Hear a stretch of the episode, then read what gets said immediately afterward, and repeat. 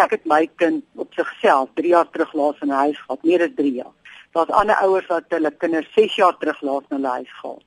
En dit gaan alles oor mense moet meer bewus gemaak word daarvan en ons regslei en ons sielkundiges en maatskaplike werkers weet hierdie feite, maar hulle omseil dit. En dan op die uitslag wag hulle so lank tot 'n kind 18 is dat hulle niks meer doen nie. Dan is die kind 'n volwassene, maar dan gaan die ouers of hulle nog steeds aan dat die een ouer word heeltemal uit daai kind se normale lewe uitgeskei. So dit maak nie saak of jy hof toe gaan en of jy sake maak nie, daar gebeur net mooi niks. En ons sit met 'n groot probleem veral in Pretoria, Johannesburg en ander areas. Op hierdie stadium is die Weskaap die mees ingeligte deel wat wel optree en daadwerklik nie 'n kind sommer net terughou van die ander ouer af as daar wel 'n egskeidingsbevel is nie. So dit gaan meerendeels oor egskeidings, dis waar dit begin en dit gaan oor een ouer wat die ander ouer geheel en al uitsluit uit daai kind se lewe, want daai ouer haat die ander ouer. Maar nou staan nog 'n patologiese siekte toestand ook betrokke wat baie te doen het met narcisme as ook met 'n sosiopaat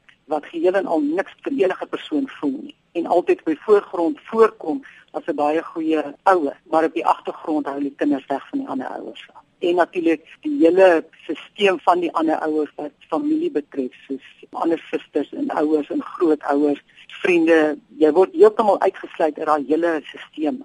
En jy het vroeër gesê daar is verskillende tipe kategorieë van kindervervreemding. Ja, daar's 'n paar goeters wat die ouer wel met die kind doen. Die eerste deel wat hy begin is om 'n kind te breinspoel.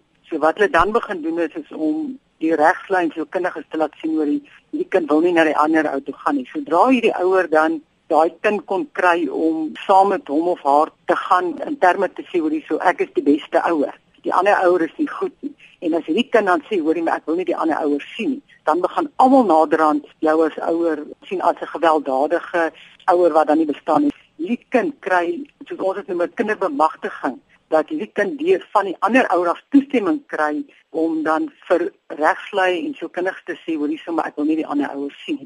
En jy het nou self so tipe ervaring gehad. Hoe help dit jou in die tipe bewusmaking wat jy nou doen? Dit het my gehelp om tot die besef te kom van waar dit begin en hoe om my kind te help op die einde van die dag. Ek het nooit geweet wat eintlik aangaan nie en nou dat ek weet wat aangaan, kan ek wanneer ek eendag my kind weer kan sien, kan ek met hom praat en ek kan hom sê wel, dit is wat gebeur het en dis waaroor dit gebeur het. En ons praat van jare, ons praat van tyd tot 6, 7 jaar en indien nie langer wat kinders nie besef wat eintlik met hulle gebeur het nie. So vir my is dit baie belangrik om dit bewus te maak dat ander kinders en ouers nie seer kry. Want dit tas jou kind se hele normale ontwikkeling af dat daai kind wanneer daai kind 18 is en ouer word en nie bewus gemaak word daarvan nie, dan het hierdie kind naderhand aan hulle verhouding probleme. So hulle gaan deur hulle lewe sukkel. Hulle hulle vaar swak op skole en kan nie in verhoudings in bly nie. Hulle begin heeltemal oorhel na die verkeerde deel toe soos hulle begin dwelms te gebruik. Hulle begin seksuele omgang hê met mense en dit is alles net om te voel